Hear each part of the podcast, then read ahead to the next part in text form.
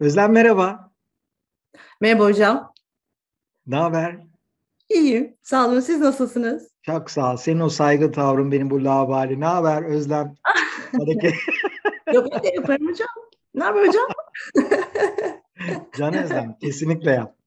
Ee, şey, e, şimdi ana nokta e, özellikle gençlere e, buradan yol göstermek. Senin bildiğin çok şey var. Hep onu yapıyoruz programda. Diyoruz ki ya gençlere ne göster e, yol gösteririz ama iş hayatındaki insanları da yol gösteriyor. Bugün potansiyel konuşacağız. Ne evet. anlatırsın potansiyelle ilgili? Ne güzel oldu hocam. Ee, çok önemli bir konu. Hem çalıştığım e, kurumsal firmalarda çalıştığım e, kişilerle hem de kariyer e, yolculukları için gelen kişilerle biz bu konuları konuşuyoruz. Keşif yapıyoruz aslında. Ee, bazı insanlar tükeniyor. Ee, normal kullanmış olduğu yeteneklerini, becerilerini kullanıyorlar ama bir yerde tıkanıyorlar. Ya işten ayrılmak istiyorlar, e, ya iş değiştirmek istiyorlar, ya tamamen başka bir girişimci olmak istiyorlar, bir iş kurmak istiyorlar. İşte orada birazcık bu farklı potansiyellerimize bakmaya çalışıyoruz. Nereden bulabiliriz diye. Şimdi biz doğuyoruz bir bebek halinde ya da belli bir yaşa kadar e, saf bir haldeyiz. Yani bir ay gibi düşünün. Dolunay gibi bir ışık saçıyoruz ve hiçbir özelliğimizi eleştirmiyoruz, yargılamıyoruz, sansürlemiyoruz. Ama kişilik oluşmaya başladığında ve çevrenin etkisiyle birlikte bir kalıp oluşturuyoruz aslında. Hem çevrenin bizden beklentisi var, hem kendimizden bir beklentimiz oluşmaya başlıyor. Biz o kalıbın içerisinde, o çerçevenin içerisinde bazı özelliklerimizi alıyoruz, geliştiriyoruz. Ama bazılarını gölgede bırakıyoruz. Hem onaylanmak için hem varoluşumuzu e, ispatlamak için. Ve o noktada insan ikiye ayrılıyor. Yani o dolunay yarım ay haline gelmeye başlıyor. Işık ve gölge. Şimdi ışığı beslediğimde e, yoğunluğu olduğu zaman gölge daha az derinleşiyor. Ama gölgeyi derinleştirdiğinde ışığın etkisi daha azalıyor. E, bazen bazı özelliklerimi överek e, onları yüceltebiliyorum. Bazen de bilerek bazı özelliklerimi gölgeye atıyorum. Tabii bu gölgede bazı potansiyel özelliklerim kalabiliyor. Yani ben onların bana ait olmadığına inanmaya başlıyorum bir süre sonra. Benim değil demeye başlıyorum. Yani ben bir yazar olamam örnek veriyorum ya da ben bir tiyatrocu olamam demeye başlıyorum ya da ben bir yönetici olamam demeye başlıyorum. Buna inanıyorum. şimdi toplumun düzeni ve dirliği için aslında gölgenin ihtiyacı var gölgenin oluşmasına ihtiyaç var. Gölgeyi tamamen yok edemiyorum. Ee, burada bahsettiğim kişisel özelliklerimi, unuttuğum bazı özelliklerimi keşfetmek aslında. Bunu sağlayan da ışığın daha yoğun olmasını sağlayan, yani biz biraz gölgeyi daraltmaya çalışacağız.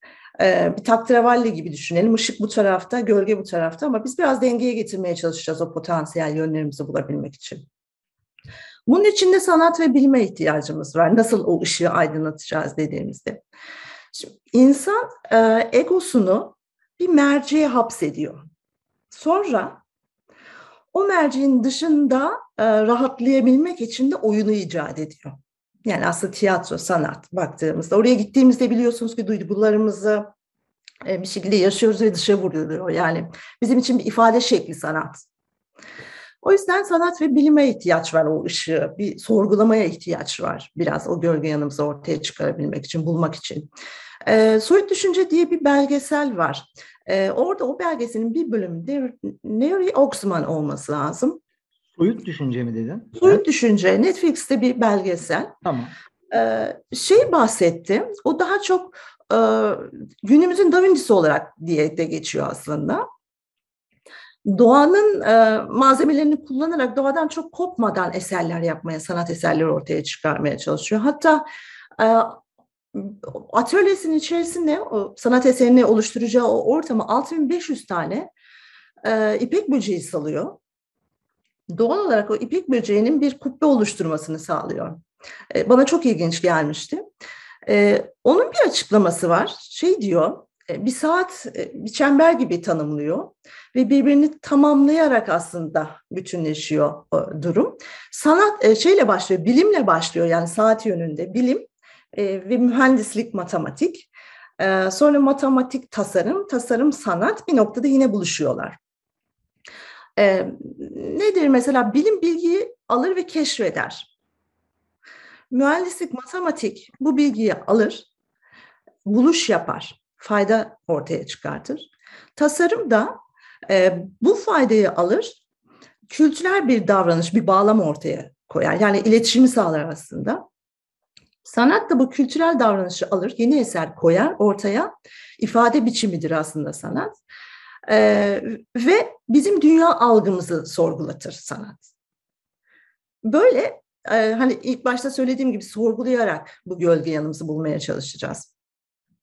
Ama gölge olmadan da e, ışık olmuyor, ışık olmadan da gölge olmuyor gibi bir şey soracaksınız sanki. Yo şey e, bir bu anlattığını aslında şey büyük ihtimalle Efkanlar bu YouTube'da yayınlanacağı zaman çerçeveleyecekler böyle arka fonda çıkacak böyle can canlı falan bir şey yaparlar. Böyle sanat bilime, bilimde sanata falan diye. Çok iyi. Peki şey e, nasıl açığa çıkarız biz o potansiyeli? ne yapmamız lazım? Yani böyle çok somut şu yapılabilir diye. Evet. Ee, mesela rol model olarak gördüğümüz insanların bazı davranışlarını sıralayabiliriz. Aslında o bizde var. Hmm. Bizde var, biz onu e, bastırmışız ama başkasında gördüğüm zaman e, ona hayranlık duyuyorum aslında. O onu aldı ve kullandı ve çıkardı. Aslında o benim altın gölgem. Buraları sıralayarak insanlar bu özelliklere bakabilirler. Hatta e, aşık olduğu insanlara bile bakabilirler. Neden hayran oluyorum o insana diye. Çünkü bende var, ben onu kullanmamışım ama onu ortaya çıkarmış. O yüzden çok çekici geliyor bana. Diğer taraftan kendimde çok sinir olduğum davranışları da listeleyebilirim. Siniri çok güzel söyledin. Böyle kendimde sinir oldum dedin. Yani o etkiyi kesinlikle verdim. Sonra başkasının beni sinir eden özelliklerine bakabilirim. Onları sıralayabilirim. Orada da gölge baskıladığım e, bazı özellikler var. Aslında zıtlıklarımızda yaşam. Birazcık oraya bakmaya ihtiyacımız var. Az gidilmiş yolu tercih etmekle ilgili. E, hatta bir şiir var çok hoşuma gidiyor hocam. E, Robert Frost'un Gidilmeyen Yol diye. Çok küçük okuyacağım onu size. sarı bir ormanda ikiye ayrıldı yolum. İkisinden birden gidemediğim ve yoldaki tek yolcu olduğum için üzgün, uzun uzun baktım görene kadar birinci yolun otlar çalılar arasında kıvrıldığı yere. İç geçirerek anlatacağım bunu ben nice yaşlar nice çağlar sonra bir yerde bir ormanda yol ikiye ayrıldı ve ben ben gittim daha az geçilmişinden ve bütün farkı yaratan bu oldu işte diye. Ee, az gidilmiş yolu tercih ederek kaçtığımız, korktuğumuz o özelliklerimizi üzerinde çalışarak belki de e, bu yönümüzü ortaya çıkarabiliriz. Yani çeviri kim yaptıysa mesela güzel bir çeviri yapmış ve ben ben diyor ya orijinalinde diyor ki şiirin Two roads diverge in a wood and I I took the less traveled one diyor. Yani çeviri yapan da orada ve ben ben az yani böyle özüne sadık kalarak çevirmiş. Bu arada dinleyiciler de benim yani bir okunan şiirin İngilizcesini okuyabilmem konusunda hani gölgeden karanlık yönlerimi nasıl açığa çıkardığım konusunda yani şey yapabilirler. Teşekkür ederim hocam. Lord Voldemort gibi böyle gölgeden çıkardık. Sen Özlem kendinde ne, ne çıkardın mesela açığa? Yani ya ben bu çabayı kendim için gösterdim de bak şunu yakaladım, bunu yakaladım diyebileceğin mesela senin bir yazarlık yönünde var. O gölgeden çıkarmaktan çok benimle rekabet olduğunu biliyorum. Yani mesela ben tırt olmuştum. Hani ben çocuk kitabı yazıyorum, bu da yazıyor falan diye çok sinir olduğumu özellikle belirterek ama burada da belirtemem. O yüzden sana siz bunu nasıl açığa çıkardınız diye sinirle soruyorum Özlemciğim. Ne yapıyorsunuz? Bana orada gölgeli bir şeyiniz var. Ee, evet. Hakikaten hani elmanın ilk e, açıldığı zamanlar değil miydi? Yani 2010 yılında elma kuruldu. 2014 yılında benim kitabım çıktı. E, 4 yıl e, siz tabii öncülük yaptınız. Ben arka, hemen arkanızdan sizi rol model olarak görmüşüm ki. E, ya bırak bu yazıyorsa ben hayran, yazarım deyip. hayran olduğum bir kişinin özelliklerine bakarak aslında e, yani o yöntemle buldum büyük bir ihtimalle. Çünkü e, birini taklit etmek sanatta biliyorsunuz ki e, doğal bir yol. Yani bu normal bir şey. Daha sonrasında özgün halimizi e, buluruz ama taklit ederiz başlangıçta. Hem davranış olarak hem yazma stili olarak elbette ki ben de birilerinden etkilenerek bir yöntem buldum. Onu denedim. Çok kolay olmadı ama en azından az az yaptığım bir şey değildi aslında. O benim özelliklerimden bir tanesiydi. Onu birazcık parlattım. Belki çok zaman bir süre sonra onu gölgeye atmıştım. Bir kalıbın içerisine girebilmek için bunu yapıyoruz çünkü. Bir rolün içerisinde bir yöneticiysem ya da bir e, görevim varsa iş hayatının içerisindeysem ben onu atıyorum aslında. Ama sonrasında e, belki de burada çalışmamın etkisiyle, İzgörün Akademi'nde çalışmamın etkisiyle bunu çıkartabildim. Bu bana vesile oldu. E, ama örnek aldım sizi kesinlikle. Doğru diyorsunuz. Özel şey, e, bir yani İbrahim'in Elma Yanakları kitap. E, çok naif bir kitap, çok güzel bir yazım tekniği var ve bence orada mesela kimseden ya etkilenme, aa bu yazarın tekniği diyeceğimiz hiçbir şey yok. Çok özgün, şahane Hı-hı. bir kitap yazdım. İkincisi de e, bizim yayın evi o konuda çok acımasız. Yani Özlem İzgör'ün akademide çalışıyor. Biz onun kitabını basalım demezler. E, çatır çatır yayın kurullarından geçer çocuk şeyler. O yüzden şey çok özel bir kitap. E, devamını da getireceğini biliyorum. Çünkü kitap okuyan bir genç de eminim şey bırakacak kitap. Ya ben daha iyi şeyler yapayım, hayata daha iyi yaklaşayım. Bu tadı bırakması çok çok güzel bir kitabın. Başka ne var Özlem kendinde ya bak bu, bu bunu öğrendikten sonra potansiyeli açığa çıkarmayı öğrendikten sonra kendinde de olmayabilir ama ben kendimde bunu yaptım ya da bak şunu örnek verebiliriz potansiyelini açığa çıkaranlar konusunda diye e, aklına gelenler var mı? Yani yine kendimden gidebilirim. E, ben şöyle düşünürdüm. Ya ben içe dönük bir insanım diye inanmıştım. E, ama biliyorsunuz ki biz bir eğitimcinin eğitim programı gerçekleştiriyoruz. Sunum teknikleri eğitimi veriyoruz. E, ben programlara katıldığımda ha, demek ki ben burayı az kullanıyorum. Burayı daha çok kullanırsam geliştirebilirim. Geliştirebilecek bir özellik aslında. Bunu yaptıkça, çıktıkça sahneye ya da seminerler verdikçe e, bu, bu gelişmeye başlıyor. Hani çok parlatmıyorum ama bunu o gölgeden çekmeye başladım. Yani ben Güzel. kendimden örnek verirsem e, verebileceğim şu anda aklıma gelen bu. Ama sizde varsa hani bu soruyu sorduğunuz zaman belki arka planda bir örneğiniz Bende olabilir. yok. Konuk sensin. Sana sordum. Bilemediğini yok. görünce de çok sevindim. Başka örnek verememiş olmam. Burada bence takipçilere bir şey Bunu anlatırken şöyle Özlem anlatırken direkt aklıma gelen şey şu oldu. Ee, Paralimpik olimpiyatlarda Türkiye'nin çok başarıları var. Ee, bir yandan da acı bu. Yani işte ampute futbolda Türkiye hep dünya şampiyonu oluyor. Çünkü mayına basan sürüle gencimiz var. Ee, Birçok böyle dert var. Ee, ve Paralimpik olimpiyatlarda çok ödül alıyoruz. Çünkü çok sakatlanan insan var ülkede. Öte yandan da yaşadıkları o engel problemi e, bir, bir bölüm insan evlerine kapanıp yok olup giderken senin dediğin bu gençler, potansiyelini açığa çıkarma cesaretinde olan gençler şimdi Tokyo'dalar mesela. Yüzüyorlar, koşuyorlar ama eminim e, onların elinden biri tuttu. E, örnekleri var çünkü. E, Sümeyye'de olduğu gibi, Gizem Girişmen'de olduğu gibi birisi örnek ve model olursa o çocuk çatır çatır yürüyor. Yoksa ülke engellilerin yola çıkmasını, yaşamasını engelleyecek şekilde belediyeler şehirleri dizayn etmiş durumda. Bugün engelli biri çıkıp bir sokakta rahat rahat yürüme şansı yok. Çıkabileceği kaldırım yok. Gidebileceği tuvalet yok. Yani şehirleri engeller için dizayn etmek zorundayız. Öte yandan da bence en iyi örnek anlattığın şeye böyle bir engel yaşadıktan sonra potansiyelini açığa çıkaran çatır çatır bir şeyler yapan o gençler diye düşünüyorum ben. Daha da olabilir. Aslında sendeki örneklerle de devam edebiliriz. Böyle Özlem. E, ben özellikle size soruyu sordum çünkü e, sizi de dinlemek istiyor e, bu videoyu izleyenler. Ben de bu fırsatı onlara vermiş oldum. Çok iyi örnek verdiniz hocam.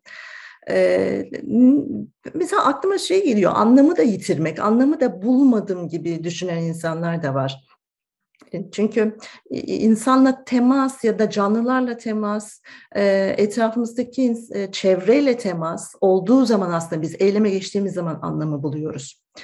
Bunu da bazen hani insanlardan kopmak isteyen, yalnız yaşamak isteyen insanlarda bunu görüyoruz. Ama temas aslında burada çok önemli insanlarla anlamı bulmak için. Viktor Frankl'ın bir şeyidir bu. İnsanın Anlam Arayışı diye bir kitabı var. orada çok iyi anlatmıştır.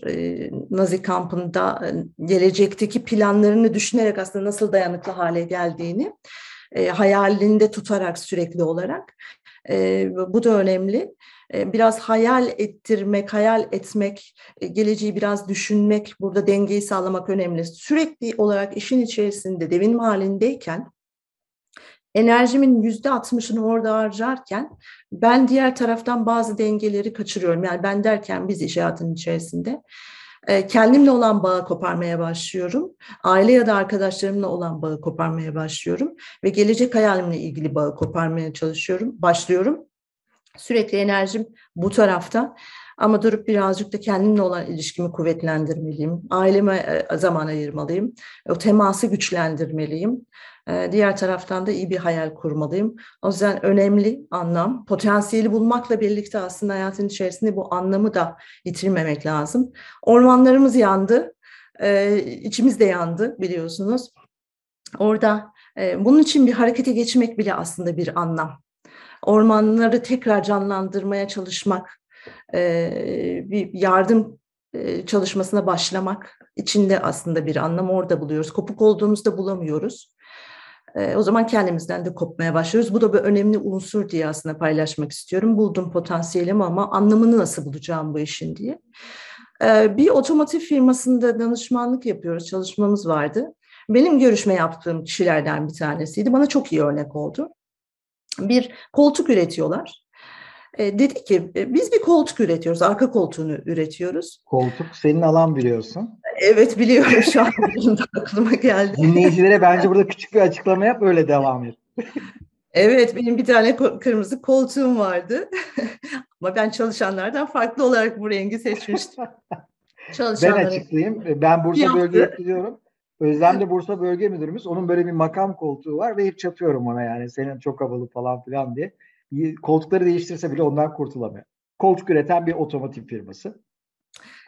Dedi ki aslında biz bir koltuk üretiyoruz.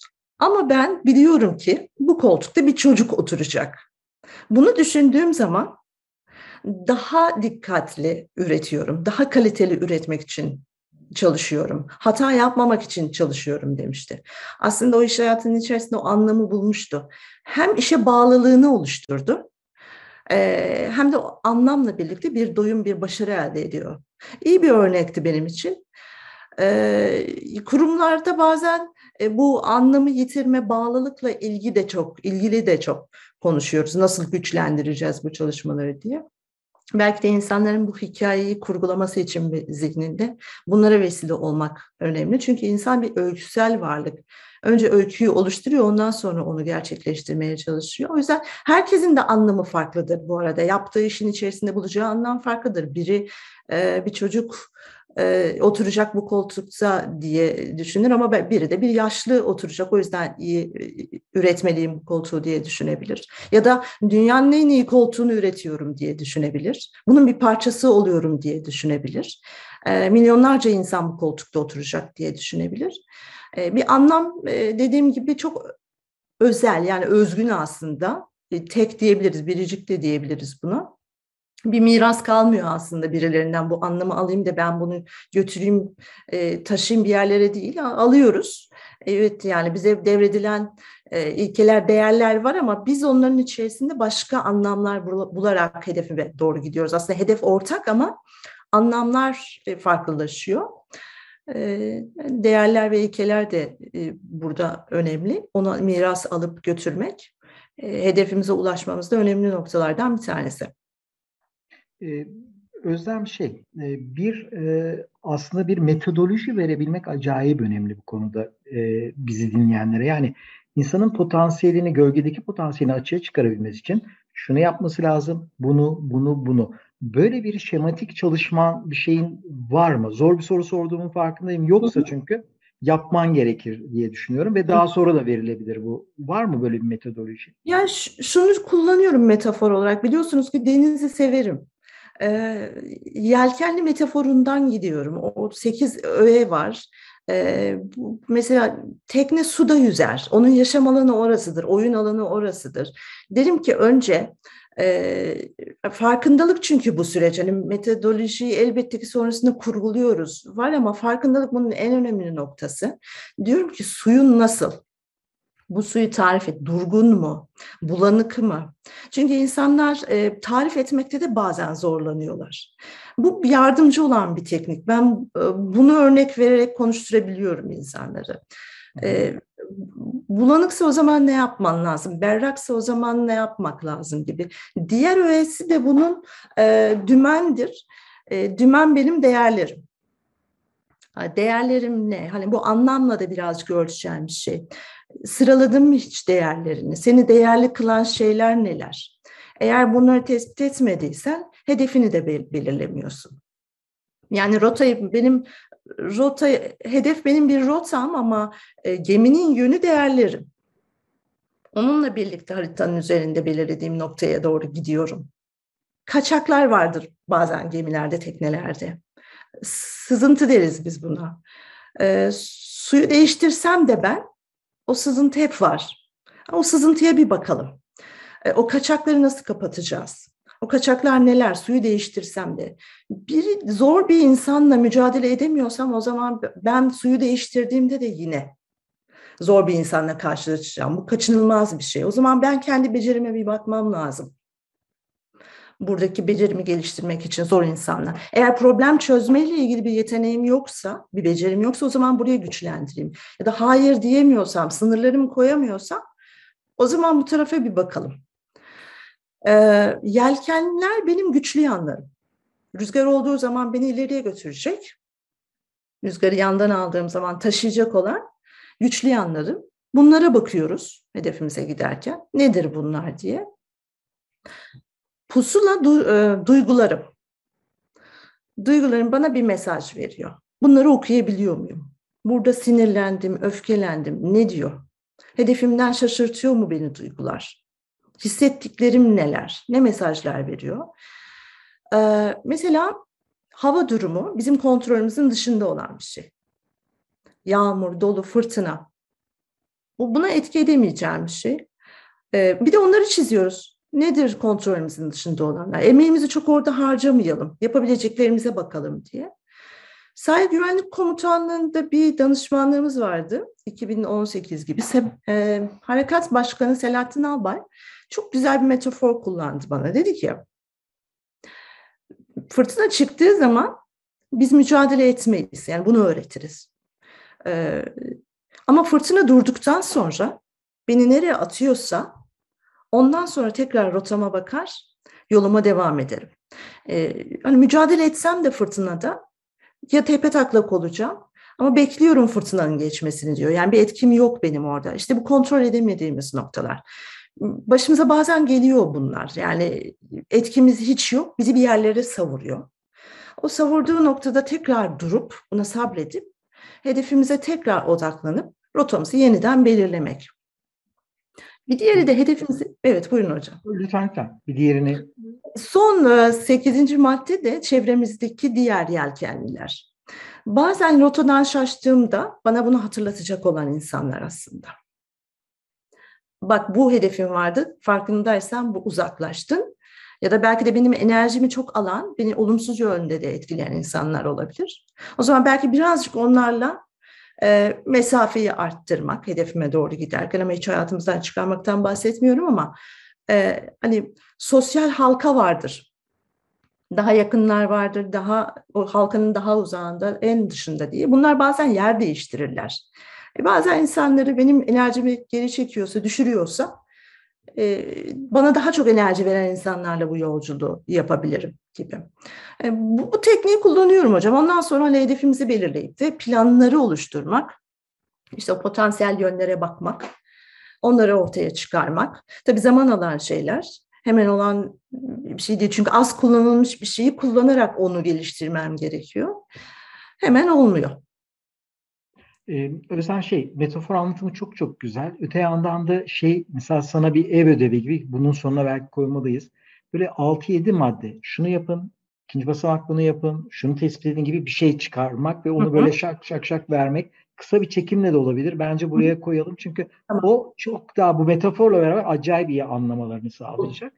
Ee, Zafer Erbaşlar ve Zafer Parlak iki örnek. Zafer Parlak'a şöyle vereyim örneği e, yıllar önce bir e, bacaklarla ilgili, diziyle ilgili bir tedavi olması gerekiyor. Ve doktor diyor ki yani senin bisiklete binmen lazım. Zafer o kadar spor yapan birisi değil ama dizi iyileşsin diye spora başladı. Şimdi yani bütün yaşam biçimini o rahatsızlık değiştirmiş oldu ve bisikletle çok arkadaşlar edindi, etkinlikler yapıyor, dersler veriyor, ülkenin her yerini bisikletle geziyor falan. O sağlık problemi çıkmasa yaşam biçimi ama yani burada anlatmak istediğim o sağlık problemi çok insanda çıkıyor. Çok insana doktor diyor ki senin bisiklet yararına ama Zafer bu anlattıklarını aslında durum tespiti yapıp, analiz yapıp, adım atıp ve yaşam biçimini yaşamını mucizeye çevirebilen bir adam. Ama şey gölgede harika şeyler olması lazım bir insanın. Bazen kötülükler de olabilir, başka şeyler de olabilir. O yüzden çok iyi bir örnek diye düşünüyorum. Zafer Parlak dediniz, Zafer Erbaşlar dediniz hocam. Zafer Erbaşları da birazdan çağırayım diye düşünüyorum odaya. Şansal'la beraber gelsin onlar da görünsünler diye. Hatta cepten şimdi çaldıracağım. Ee, Şansal'la beraber gelsin onları da alalım videoya. Ee, büyük ihtimalle büyük bir ihtimalle gitti Zafer diye düşünüyorum. Çıktı mı? Evet çıktı diye biliyorum. Vay be. Kedi evet. mu çıktı yoksa şu anda Şansal e, şeyde mi? E, Şansal evde isterseniz getirebilirim. E, Zafer yani sen böyle önemli bir toplantıya giriyorsun ve evi bırakıp gidebiliyorsun. Dolduruşa getirmeyeyim ama hani gölgede ne varsa çıkar artık Zafer'in ne olabilir diye. Şu an çaldırıyorum Zafer'i bakalım evde mi yani bir de e, kocasının evde olup olmadığını bilmeyen bir danışmanla da karşı karşıyayız. Zafer neredesin sen? Duydum.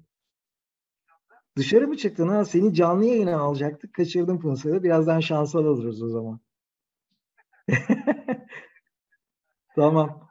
Hadi görüşürüz. Tamam. Nerede olduğumu Özlem'e söyleme falan dedi telefonda. Kapattı.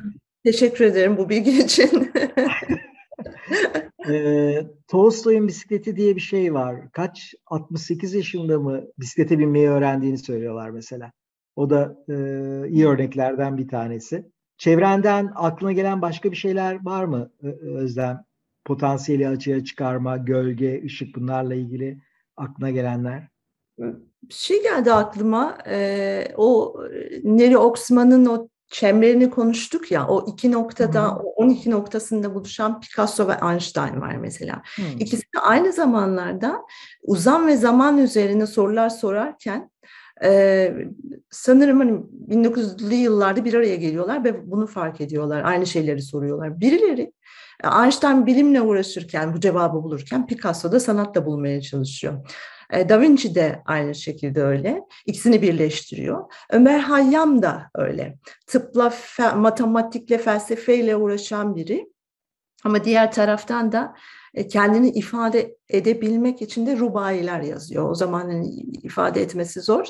E, yani bir insan gölgesini ortaya çıkarabilmek için, ifade edebilmek için aynı zamanda sanatı kullanırsa gerçekten iyi olur. Yaza, konuşamıyorsa, anlatamıyorsa yazmakta fayda var. Orada buluyor insan. Çünkü yazmakla ve zihin arasında bir bağlantı var hakikaten. Yazmaya başladığınızda, kalemle yazmaya başladığınızda ama burası akmaya başlıyor.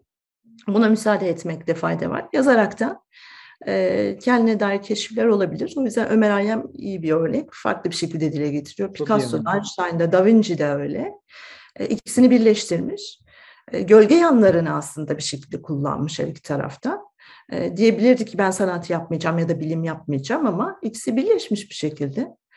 O yüzden çok okumak ve araştırmak en iyisi. Çünkü okuduğumuzda mesela e, hiç hissetmediğimiz duyguları kelimelerin içerisinde bulabiliyoruz. Yani konuşurken daha az kelimeyle konuşuyoruz insanlar arasında ama kitapların içerisinde daha fazla kelime var ve bizi daha fazla duygusal olarak etkiliyor ve öğretiyor. Zihnimizi açıyor. Ya Ömer Hayyam mesela o yönünü e, yeterince bilmiyordum ve çok iyi bir örnek. Yani o, o yazdığı rubayiler o teknik boyutuyla birleşmesi. Mimar Sinan belki bu örneklerin en iyilerinden biri sanatsal evet. yanla o teknik boyut birleşmese o yani sadece mühendis olsa hiçbir şey yok. Sadece sanat olsa hiçbir şey yok ama ikisi bir araya geldiğinde e, ve mesela Thales de öyle hem matematikçi hem felsefeci. Aslında eski dönem insanlarına örnek verdiğinde birkaç alandaki derinliği bir araya getirebiliyorlar belki şeyi de ekleyebiliriz o zaman. Charlie Chaplin de çok özel bir örnek. Yani sanat yönü var ama aynı zamanda müthiş bir iş adamı. Teknik kafası, acayip planlı, projeli ama sanatla birleştiğinde e, bir anda e, çok ayrı yöne e, gidebiliyor. Çok iyi örnekler. E, Walt Disney geldi aklıma hocam. E, Walt Disney'in tekniği de e, bir görevlendirme yapmakla ilgili çok iyi bir örneği var. Binasını üç katlı e, inşa ediyor. En üstüne hayalcileri koyuyor altına e, gerçekçileri en altta da planlayıcıları koyuyor. Diyor ki en üstte koydukları siz üfürebildiğiniz kadar hayallerinizi üfürün, uçurun, hayal kurun siz. Ama gerçekçiler biraz yere ayaklarını yere basması için orada çaba harcayacaklar ama siz serbest kalın. Aşağıya döndüğünde de siz bu gerçekçi nelerin gerçek olabileceğini planlayın diye görev dağılımını yapıyor. Hem sanatı var hem bu şekilde bir planlama tekniği de var. Evet, Türk olsa kat çıkabilecek şekilde bırakır. Yani üstte böyle filizler hani bir kat daha çıkabilir miyiz? Kimi yerleştireceğimiz önemli. kat çıkalım yeter ki değil mi? İmarizm olmasın. Şeyi söyleyeceğim Özlem. Demin söylediğin aslında bu iki yönü olan insanlara baktığımda e, şey çok iyi örnek. Yani son orman yangınlarında e, çok ilginç bir şey yaşadık. Yani ilk defa askeri alana çıkmadı. Ben şok oldum. Askeri hep ordu orada olur. Azerbaycan ordusundan 150 kişi geldi. Bizim askerler sonradan 8. 9. günde sahil e, güvenlik gemilerle bilmem ne ama mesela karacı askerler direkt girerdi ve organize ederlerdi orayı. Yoktular ortada. Ama ya halk ülkenin her yerinden toplandı gitti. E, kendini Instagram'a çekmeyen çocuklardan bahsediyorum. E, ve e, bu, bu ara Gökhan Şahbakar neydi Gökhan'ın soyadı? Ha, onu kastetmiyorum çünkü çok iyi şeyler yaptı. İnsanları haberdar etti, emek koydu gibi.